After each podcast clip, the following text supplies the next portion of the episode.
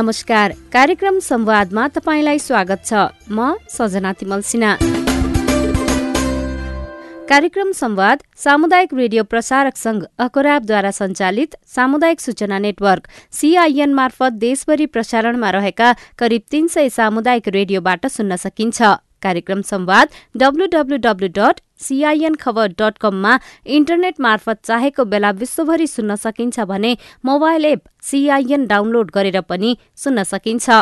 यो कार्यक्रम स्वास्थ्यसँग सम्बन्धित विविध विषयमा केन्द्रित रहनेछ। आजको कार्यक्रममा हामी एन्टिबायोटिक्स के हो यसले मानव शरीरमा पर्ने असर र जाडो मौसम तथा शीतलहरलाई ध्यानमा राखेर स्थानीय सरकारले गरेका पूर्व तयारी लगायतका विषयमा कुराकानी गर्नेछौं। एन्टिबायोटिक सचेतना अर्थात् विश्व प्रति जैविक प्रतिरोध जनचेतना सप्ताह गत साता विश्वभर मनाइएको छ। विश्व स्वास्थ्य संगठनले प्रत्येक वर्ष नोभेम्बर अठारदेखि चौबिससम्म यो सप्ताह मनाउने गरे पनि यसको बारेमा सधैँ सचेतना फैलाइरहनुपर्ने आवश्यकता देखिएको छ। कारण एन्टिबायोटिक्सको बारेमा ज्ञान नहुँदा विश्वभर वर्षेनी सात लाख मानिसको मृत्यु हुने गरेको छ।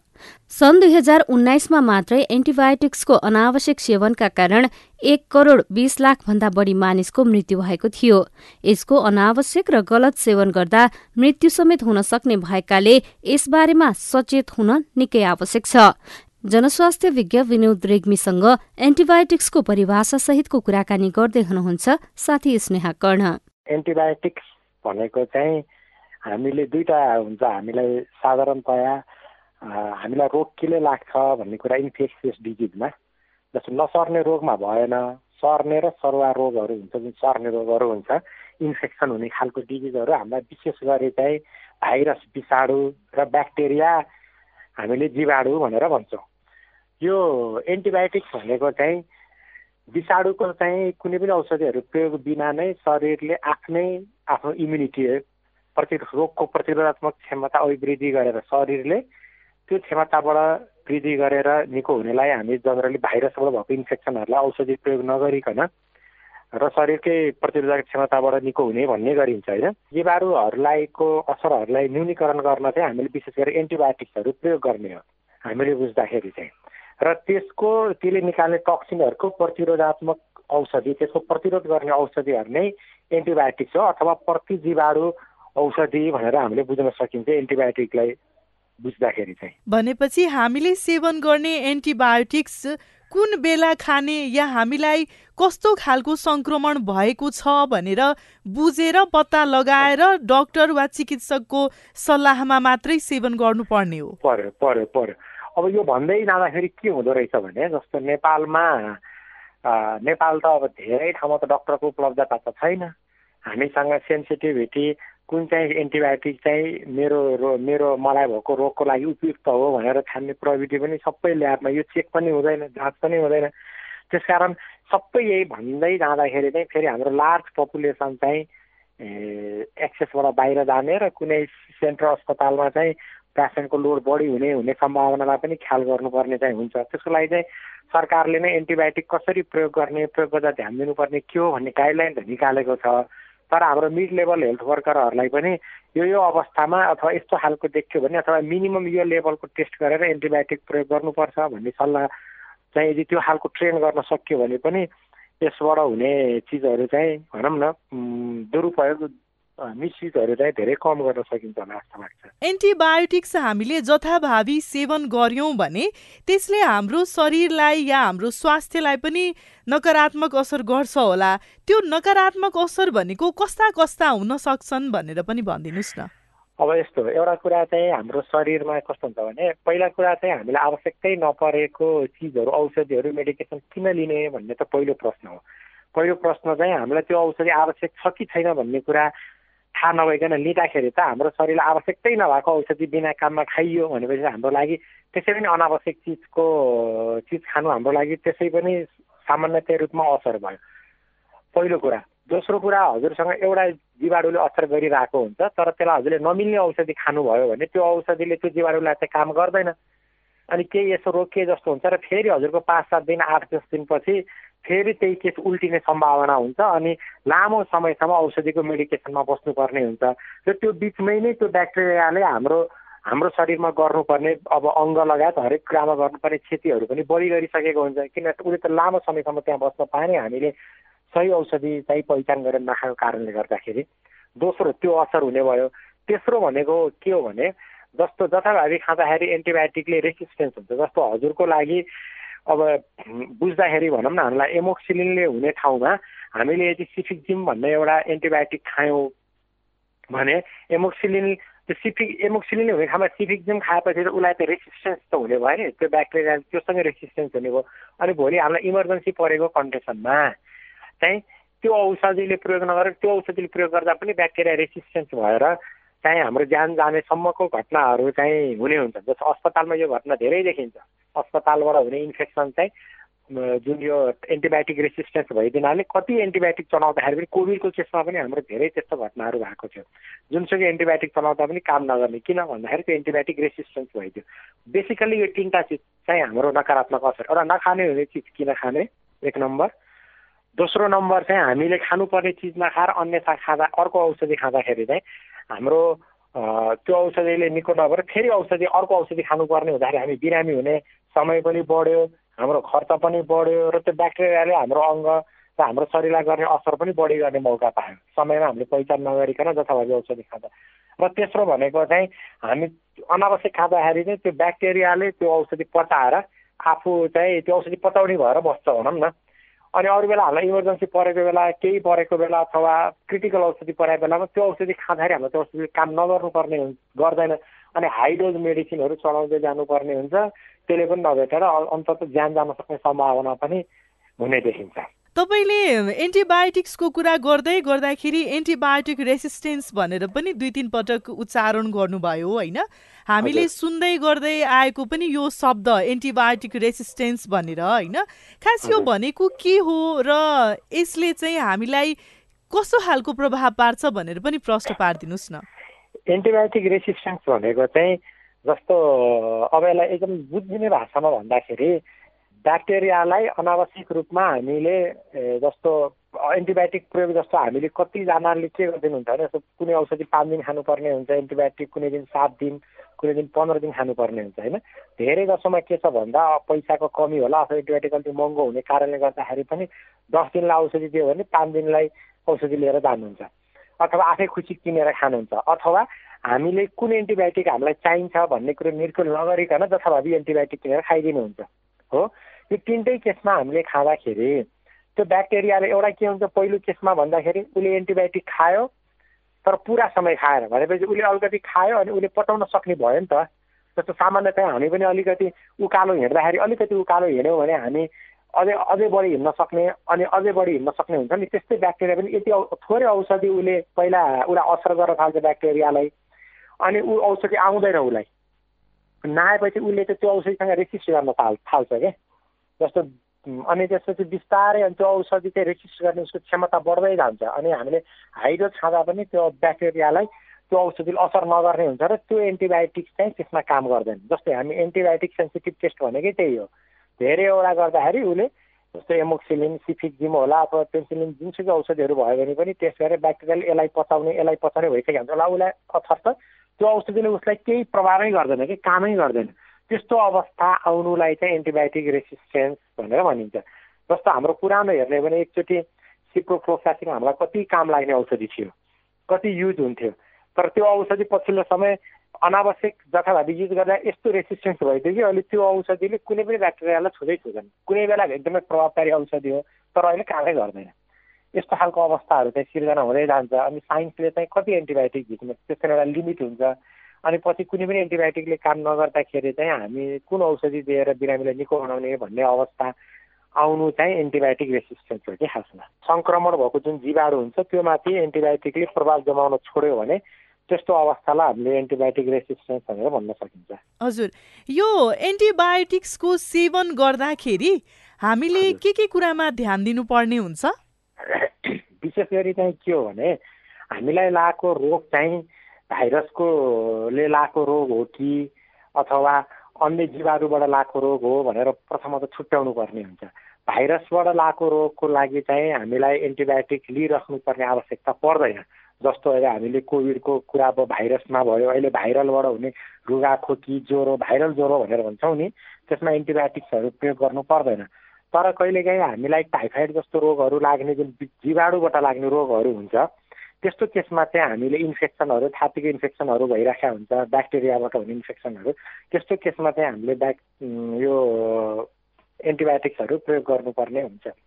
र यो गर्दाखेरि ध्यान दिनु पऱ्यो त्यो पहिला कुरा हामीलाई केले इन्फेक्सन भएको हो भन्ने कुरा प्रथम कुरा ध्यान दिनु पऱ्यो र भाइरसले भएको इन्फेक्सन हो कि अथवा विषाणुले भएको कि अथवा जीवाणुले भएको हो भन्ने कुरामा ध्यान दिनु पऱ्यो र जीवाणुले भएको इन्फेक्सन हो भने त्यहाँ धेरै तरिकाका धेरै प्रकृतिका जीवाणुहरू हुन्छन्। अनि सबै जीवाणुको लागि एउटै एन्टिबायोटिक्सले काम चाहिँ गर्दैन। किन हामीसँग त धेरै अनिगिन्ती एन्टिबा एन्टिबायोटिक्सहरू छन्। अनि त्यसकारण कुन चाहिँ जीवाणुको लागि कुन चाहिँ एन्टिबायोटिकले चाहिँ राम्रोसँग काम गर्छ भनेर ल्याब जाँच गर्नुपर्ने हुन्छ। अनि त्यसपछि बल्ल एन्टिबायोटिक चाहिँ प्रयोग गर्नुपर्ने हुन्छ। त्यसकारण यो कुरालाई विशेष ध्यान दिनु पऱ्यो त्यसकारण एन्टिबायोटिक प्रयोग गर्दाखेरि चाहिँ जथाभावी पसलहरूबाट किनेर एन्टिबायोटिक्स लिने भन्दा पनि हामी कमसेकम डक्टरको सल्लाहमा स्वास्थ्य कर्मीको सल्लाहमा गर्नुपर्ने ल्याब टेस्ट अथवा अरू डायग्नोसिसहरू गरेर एन्टिबायोटिक प्रयोग गर्ने कि नगर्ने भन्ने कुराको निलचोल गरेर एन्टिबायोटिक प्रयोग गर्नुपर्ने हुन्छ। त्यसकारण हामीले भन्दा के भन्छौँ भन्दा आफू खुसी एन्टिबायोटिक किनेर पनि खान भएन र पसलेहरूले पनि बिना जाँच चाहिँ ज्वरो आयो अथवा के आयो भन्ने बित्तिकै एन्टिबायोटिक दिनु पनि भएन। र फार्मेसी पसलहरूले पनि कम्तीमा स्वास्थ्य जाँचको ऊ छ कि छैन भन्ने हेर्ने कुराहरू चाहिँ हेरिदियो भने पनि एन्टिबायोटिकबाट हुने नकारात्मक असरहरू चाहिँ कम हुन्छ जस्तो लाग्छ मलाई चाहिँ। जनस्वास्थ्य विज्ञ रेग्मीले भने चाहिँ कुनै पनि कुराको अनावश्यक सेवनले हाम्रो स्वास्थ्यमा नकारात्मक असर गर्ने हुँदा सचेत हुनुपर्छ। अब कुरा गरौं बढ्दै गरेको जाडो र यसबाट प्रभावित वर्गलाई जोगाउन स्थानीय सरकारको योजनाबारे। जाडो याममा तराई मधेसमा शीतलहरका कारण जनजीवन प्रभावित हुने गर्छ भने हिमाली भेगमा हिमपातका कारण। शीतलहरबाट प्रभावित वर्गलाई जोगाउन र उनीहरूको उचित व्यवस्थापन लगायतका विषयमा हामीले सर्लाहीको चन्द्रनगर गाउँपालिकाका अध्यक्ष राजकुमार महतोसँग कुराकानी गरेका छौं। जाडो मौसमलाई ध्यानमा राखेर कसरी कामहरू भइराखेको छ सेवा प्रवाहका कामहरू कसरी गरिरहनु भएको छ? धन्यवाद यो समयको लागि र खास गरी हामी चन्द्रनगर गाउँपालिकामा हामीले जनताबाट निर्वाचित भइसकेपछिको यो वर्षको नीति तथा कार्यक्रममा कार्यक्रम र बजेटमा पनि यो विपद व्यवस्थापनलाई सम्बोधन गर्ने गरी प्राथमिकता दिएरै सम्बोधन गरेका छौँ। र खास गरेर जाडोतिरको समस्यालाई हेर्नको लागि जो अति विपन्न छ जो भन असहाय छ जहाँनिर जाडोको बेला न्यानो कपडा अथवा कम्बल अथवा केही सामग्री पुग्दैन। त्यो परिवारहरूको लागि बजेट पनि छुट्याइएको छ र नीतिले पनि सम्बोधन गरेको छ। र त्यो सँगै हामीले भर्खरै केन्द्रको सहयोगमा हामीले एउटा विपद व्यवस्थापन सम्बन्धी दुई दिनको कार्यपालिका लगायत सम्पूर्ण कर्मचारीको अभिमुखीकरण र कार्ययोजना गोष्ठी पनि सम्पर्क गऱ्यौँ ताकि हामी कसरी यो कुरालाई समयमा सम्बोधन गर्न सक्छौँ। सो एउटा कार्ययोजना पनि बनेको छ। दुःखको कुरा एउटा अर्को के भने विगतको पाँच वर्ष कार्यकालमा पनि विपद व्यवस्थापन समिति एक्टिभ थिएन बनेको थिएन स्टकहरू हाम्रो थिएन त्यो आइटम मटेरियलहरूको त्यो कुराहरू हामी स्टक पुर्याउने कामहरू गरिरहेछौँ। र समयभन्दा अगाडि नै जाडो आउनुभन्दा अगाडि नै हामी कसरी त्यो परिवारहरूलाई त्यो व्यक्तिहरूको जीवन रक्षामा योगदान गर्न सक्छौँ त्यसको सामा सामग्री खरिद प्रक्रिया समितिहरूलाई एक्टिभेट गर्ने पालिका स्तर वडा स्तरको र त्यो परिवारलाई पहिचान गरेर उहाँलाई सहयोग गर्ने त्यो सबै कुराहरू तयारी हामी अगाडि बढाइरहेछौँ तपाईँले भन्नुभयो कि विशेष गरी जो प्रभावित परिवारहरू छ तिनीहरूको पहिचान गरेर व्यवस्थापन लगायतका कामहरू भइराखेका छन् भनेर होइन? यो वास्तविक प्रभावितलाई लिएर बेला बेलामा पछिल्लो पाँच वर्षमा पनि सुनियो कि आसेपासेलाई बाँड्ने होइन? आवश्यक अब जुन सामानहरू वितरण हुन्छ यो तपाईँहरूले चाहिँ यसपटक त्यस्ता गुनासा आउन नदिनको लागि र जो वास्तविक प्रभावित छन् तिनीहरूको पहिचान गर्नको लागि कुनै मापदण्ड बनाउनु भएको छ या कुनै संयन्त्र तयार पार्नु भएको छ?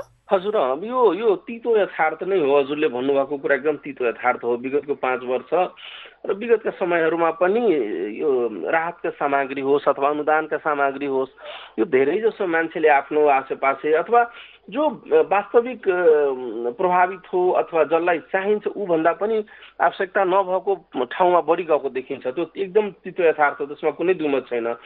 हामीले अहिले खास गरेर एकदमै अल्ट्रा पोरेस्ट फ्यामिली जुन भन्छौँ एकदम अति विपन्न परिवारहरूको अब आइडेन्टिफिकेसन गर्ने त्यो चाहे जुनसुकै पक्षको होस् जुनसुकै भनौँ न समूहको होस् त्यसले अर्थ राख्दैन। जो वास्तविक अल्ट्रा पोरेस्ट फ्यामिली हो र त्यहाँ आवश्यकता छ त्यो फ्यामिलीहरूको आइडेन्टिफाई गर्ने र उहाँहरूलाई त्यो सपोर्ट गर्ने मेकानिजम डेभलप डेभलप गरेका छौँ। तर यो सँगै एउटा अर्को चुनौती पनि के छ भने अब यो वितरण गर्ने बेलामा कस्तो हुँदो रहेछ भने यो ए फ्लानोलाई दियो म पनि गरिब थिएँ मलाई किन दिएन भन्ने खालका गुनासो र त्यो आउने र क्लेम गर्ने खास गरेर जो बढी पहुँचवाला छ जो बढी जसको आवाज बढी छ त्यसैले नै बढी त्यो क्लेम गर्दो रहेछ। सो त्यो चुनौती त छँदैछ र त्यो चुनौतीलाई सामना गर्दै पनि हामीले वास्तविक परिवारलाई आइडेन्टिफाई गरेर अनि उहाँहरूलाई सहयोग गर्ने। पक्कै पनि पुरै गाउँपालिकाभरि सबैलाई त डेफिनेटली यो सानो स्रोतबाट सम्भव हुँदैन होला। तर त्यसमा पनि मोस्ट निडिएस्ट पर्सनलाई हामीले गर्ने मेकानिजम बनाइरहेछौँ प्रभावित क्षेत्रलाई राहत या फेरि आवश्यक सामग्रीहरू वितरण गर्दै गर्दाखेरि जोसँग बस्ने या फेरि जोसँग पक्की घर भनौँ न होइन पानी नचुहिने या फेरि शीत नखस्ने घरहरू नहुँदाखेरि उनीहरू चाहिँ अलिक बढी नै प्रभावित हुन्छन् होइन? तपाईँहरूले वितरण गर्दाखेरि पनि विशेष गरी या त पाल बाँड्ने कम्बल बाँड्ने दाउरा बाँड्ने लगायतका कामहरू गर्नुहुन्छ। बाढीको बेला पनि यो गुनासोहरू सुनिन्छ होइन? हामीलाई बस्न गाह्रो भयो भनेर। सो उहाँहरूलाई स्थायी रूपमा नै बसोबास गर्ने या फेरि जो त्यस्ता व्यक्तिहरू छन् तिनीहरूको व्यवस्थापन गर्ने त्यो विषयमा तपाईँहरूले अहिलेदेखि नै कुनै योजना बनाइराख्नु भएको छ? बनाएको छौँ हामीले। खास गरेर त्यसलाई हामी दुईवटा कुरा एउटा भूमिसित पनि जोडिएको चिज हो होइन? अब यो खास गरेर हाम्रो देशमा र म आफ्नै गाउँपालिकाको कुरा गर्ने हो भने यो भूमिहीनताको अवस्थामा जो परिवारहरू छ बढी समस्या त्यो परिवारहरूमा छ। जस्तो भूमिहीन दलित भूमिहीन सुकुम्बासी र अव्यवस्थित बसोबासीहरूमा जुन अति अति विपन्न परिवारहरू छ उहाँहरूमा समस्या छ। त्यसलाई हामी लङ टर्म प्लानको हिसाबले यो राष्ट्रिय भूमि आयोगको भनौँ न प्रक्रिया र नीति निर्देशन अनुसार स्थानीय सरकारले भूमि व्यवस्थापन गर्ने काम अगाडि बढाएको छौँ त्यसले गर्दा जहाँ जहाँ समस्या छ उहाँहरूलाई भूमि पनि प्रदान गर्ने र सँगसँगै स्थानीय सरकारले होस् अथवा प्रदेश सरकार अथवा सङ्घीय सरकारबाट सहकार्य गरेर अथवा सामाजिक कार्यकर्ता दात्री निकायहरूबाट सहकार्य गरेर प्राइभेट सेक्टरसित हुनसक्छ सहकार्य गरेर त्यस्ता अल्ट्रा पोरेस्ट फ्यामिली जसको घरै छैन जसको छाप्रै छैन उहाँहरूको लागि घर पनि व्यवस्थापन गर्ने प्लानमै पनि हामीले हालेका छौँ। र त्यो लङ टर्म वेमा त्यसको पनि सल्युसन हामी निकाल्न खोज्दैछौँ किनभने सर्ट टर्ममा बाँडेर कहिले पनि सकिन्न। वितरणमुखी विकासले दिगो विकास कहिले पनि हुन सक्दैन भन्ने पुरा मान्यतामा म आफूले पनि बोक्छु र मेरो विगतको अनुभवले पनि त्यही देखाएको छ।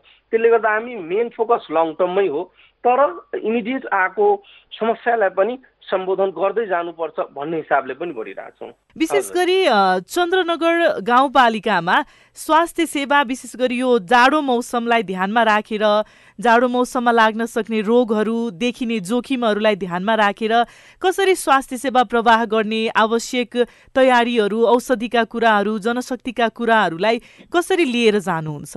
हजुर अब स्वास्थ्यलाई जाडोसित जोड्दाखेरि मुख्यत हामी दुई तिनवटा ग्रुपमा बढी फोकस गर्नुपर्ने छ एउटा भनौँ न पाँच वर्ष मुनिको बालबालिकालाई र अर्को चाहिँ ज्येष्ठ नागरिकलाई बढी फोकस गर्नुपर्ने छ। सँगसँगै अब सुत्केरी र गर्भवती महिला पनि आउँछ। सो यो तिनवटा भनौँ न टार्गेट ग्रुपलाई फोकस गरेर हामी पर्सि तेह्र गते एउटा हाम्रो गाउँपालिकाभरिकै सम्पूर्ण स्वास्थ्य कर्मीहरूको मासिक बैठक गरा आयोजना गरेका छौँ। त्यहाँ हाम्रो गाउँपालिकामा सहयोग गर्ने दात्री निकाय सहयोगी निकायहरू हाम्रो वडा अध्यक्षहरू कार्यपालिकालाई पनि राखेर अरू पनि एजेन्डाहरू छन् र यो एजेन्डालाई पनि एड्रेस गर्नलाई हामी कसरी जान सक्छौँ भन्ने हिसाबले यो तेह्र आउँदो तेह्र गते हामीले बैठक एउटा गोष्ठी नै एक दिनको दिनभरिको छलफलको एउटा प्लान बनाएर जाने हिसाबले गरिरहेछौँ एउटा कुरा।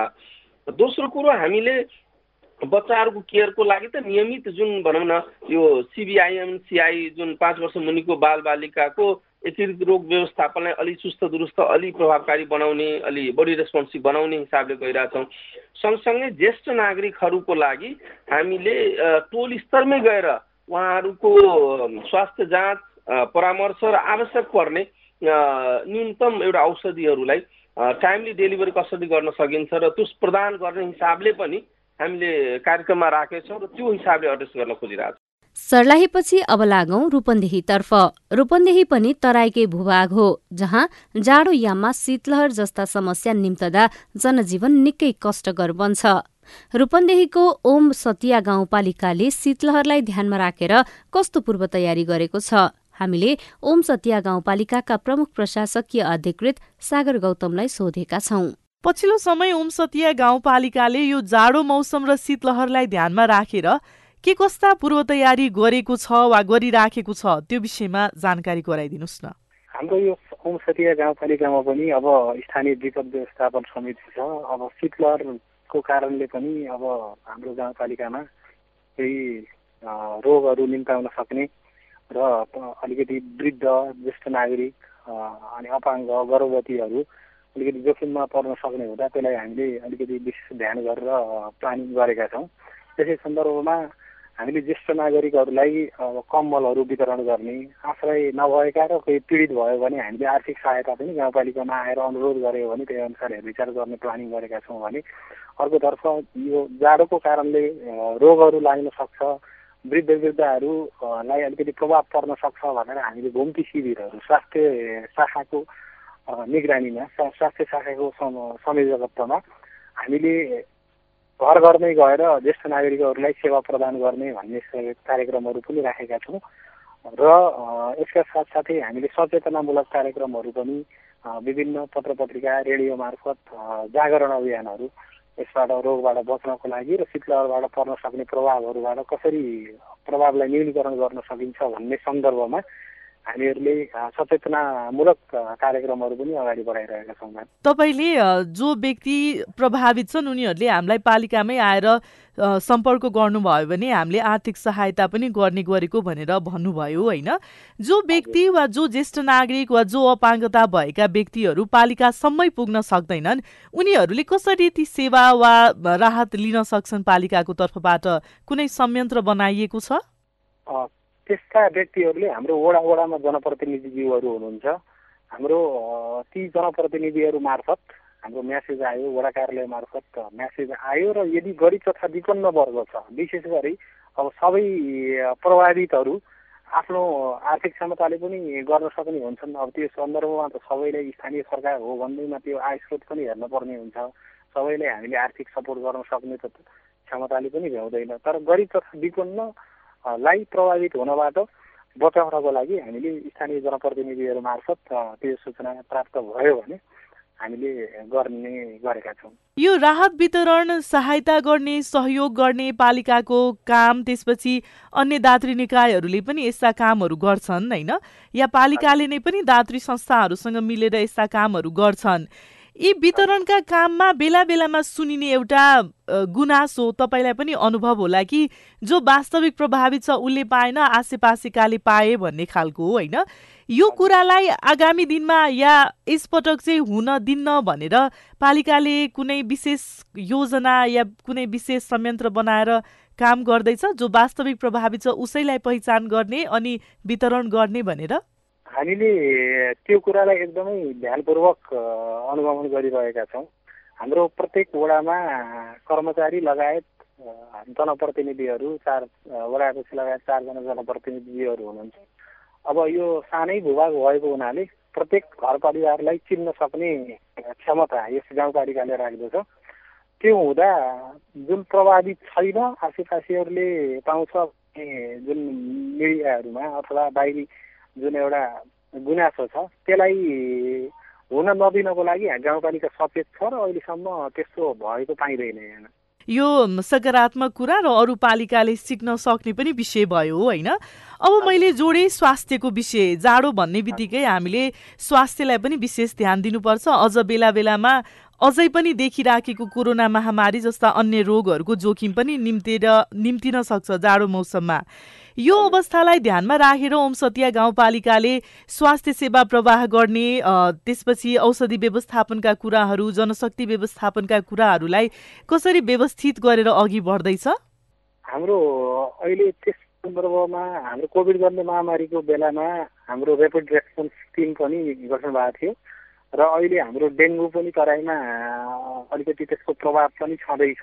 यी यस्ता रोगहरू भविष्यमा निम्तिन सक्छन् भन्ने तरिकाले हाम्रो एउटा खालको प्रिपरेसन त सधैँभरि नै रहिरहन्छ।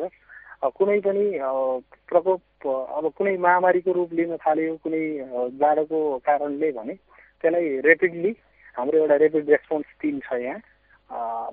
हामीले विपद व्यवस्थापन कोषबाट पनि हामीले खर्च गर्ने गरी अब आर्थिक आर्थिक अभाव हुनु नदिनको लागि औषधिजन्य सामग्रीहरूको खरिद गर्नको लागि विपद व्यवस्थापन कोषबाट पनि हामीले बजेट व्यवस्था गर्छौँ र जनशक्ति व्यवस्थापन पनि हाम्रो स्वास्थ्य संस्थाहरू छन् प्रत्येक वडा कार्यालयमा। जनशक्ति पनि हामीले त्यति अभाव हुनु दिँदैनौँ। जे होस् अहिलेसम्म त्यस्तो समस्या परेको छैन र भविष्यमा पनि समस्या नपरोस् भनेर हामी सचेत अवस्थामा नै छौँ। जाडो याममा हामी आफै नै पनि आफ्नो स्वास्थ्यको विशेष ख्याल गर्नुपर्छ अन्यथा जोखिम निम्तन सक्छ। अब एकैछिन एउटा स्वास्थ्यमूलक सन्देश सुनौ। नमस्कार म डाक्टर सञ्जय ठाकुर स्वास्थ्य जनसङ्ख्या मन्त्रालयको प्रवक्ता। महिलामा हुने पाठेघरको मुखको क्यान्सरका अधिकांश उनान्सय प्रतिशत केसहरू ह्युमेन पेपिलोमा भाइरसको संक्रमणबाट हुने गर्दछ। महिलामा हुने क्यान्सर मध्ये पाठेघरको मुखको क्यान्सर चौथो स्थानमा पर्दछ। ह्युमेन पेपिलोमा भाइरस यौन सम्पर्कबाट सर्ने एक सामान्य भाइरस हो। तर त्यस भाइरसको निरन्तर संक्रमणले महिलाहरूको पाठेघरको मुखको क्यान्सर हुने गर्दछ। ह्युमेन पेपिलोमा भाइरस विरुद्धको खोप उपलब्ध छ र समयमै यस रोगको निदानको साथै क्यान्सरमा परिणत हुनुभन्दा अगावै पाठेघरको घाउको उपचार गरेमा धेरै जसो पाठेघरको मुखको क्यान्सरबाट जोगाउन सकिन्छ। समयमै पहिचान र प्रभावकारी रूपमा व्यवस्थापन गर्न सके यो क्यान्सर सफलतापूर्वक उपचार गर्न सकिन्छ। अब नेपाल सरकारले विज्ञहरूको राय सल्लाहमा पोलियो विरुद्धको सुईबाट दिइने खोपको बारेमा जानकारी। यो खोपको नियमित खोप लगाउने तालिका सुईबाट लगाउने खोपको तालिका खोप लगाउने तालिका परिवर्तन भएको छ। एक वर्ष उमेरभित्रका बालबालिकाका लागि पहिले छ र चौध हप्तामा गरी दुई मात्रा दिइने गरेको खोप अहिले चौध हप्ता र नौ महिनामा गरी दुई मात्रा दिइने गरिन्छ। त्यसै गरी एक वर्षको उमेरभित्र पोलियो विरुद्धको खोप नियमित तालिकामा लगाउन हुनेमा पाँच वर्ष उमेरभित्रका सम्पूर्ण बालबालिकाका लागि आठ हप्ताको फरकमा दुई मात्रा दिने गरेकोमा उक्त खोप अबदेखि सोह्र हप्ता अर्थात् चार महिनाको फरकमा दुई मात्रा दिइने बेहोरा सबैको जानकारीको लागि अनुरोध छ। यो जानकारीमूलक सन्देशसँगै आजको लागि कार्यक्रम संवादको समय सकिने लाग्यो। आजको विषयवस्तु तपाईँलाई कस्तो लाग्यो? तपाईँ हामीलाई हाम्रो टेलिफोन नम्बर शून्य एक बान्न साठी छ चार छमा फोन गरेर आफ्नो कुरा भन्न सक्नुहुनेछ। साथै तपाईँले हामीलाई हाम्रो Facebook page at the rate CIN खबरमा गएर पनि आफ्ना कुरा लेख्न सक्नुहुनेछ। सीआईएनले तयार पारेको कार्यक्रम संवादबाट प्राविधिक साथी सुरेन्द्र सिंहसँगै सजना तिमल सिन्हा विदा हुन्छु। नमस्कार।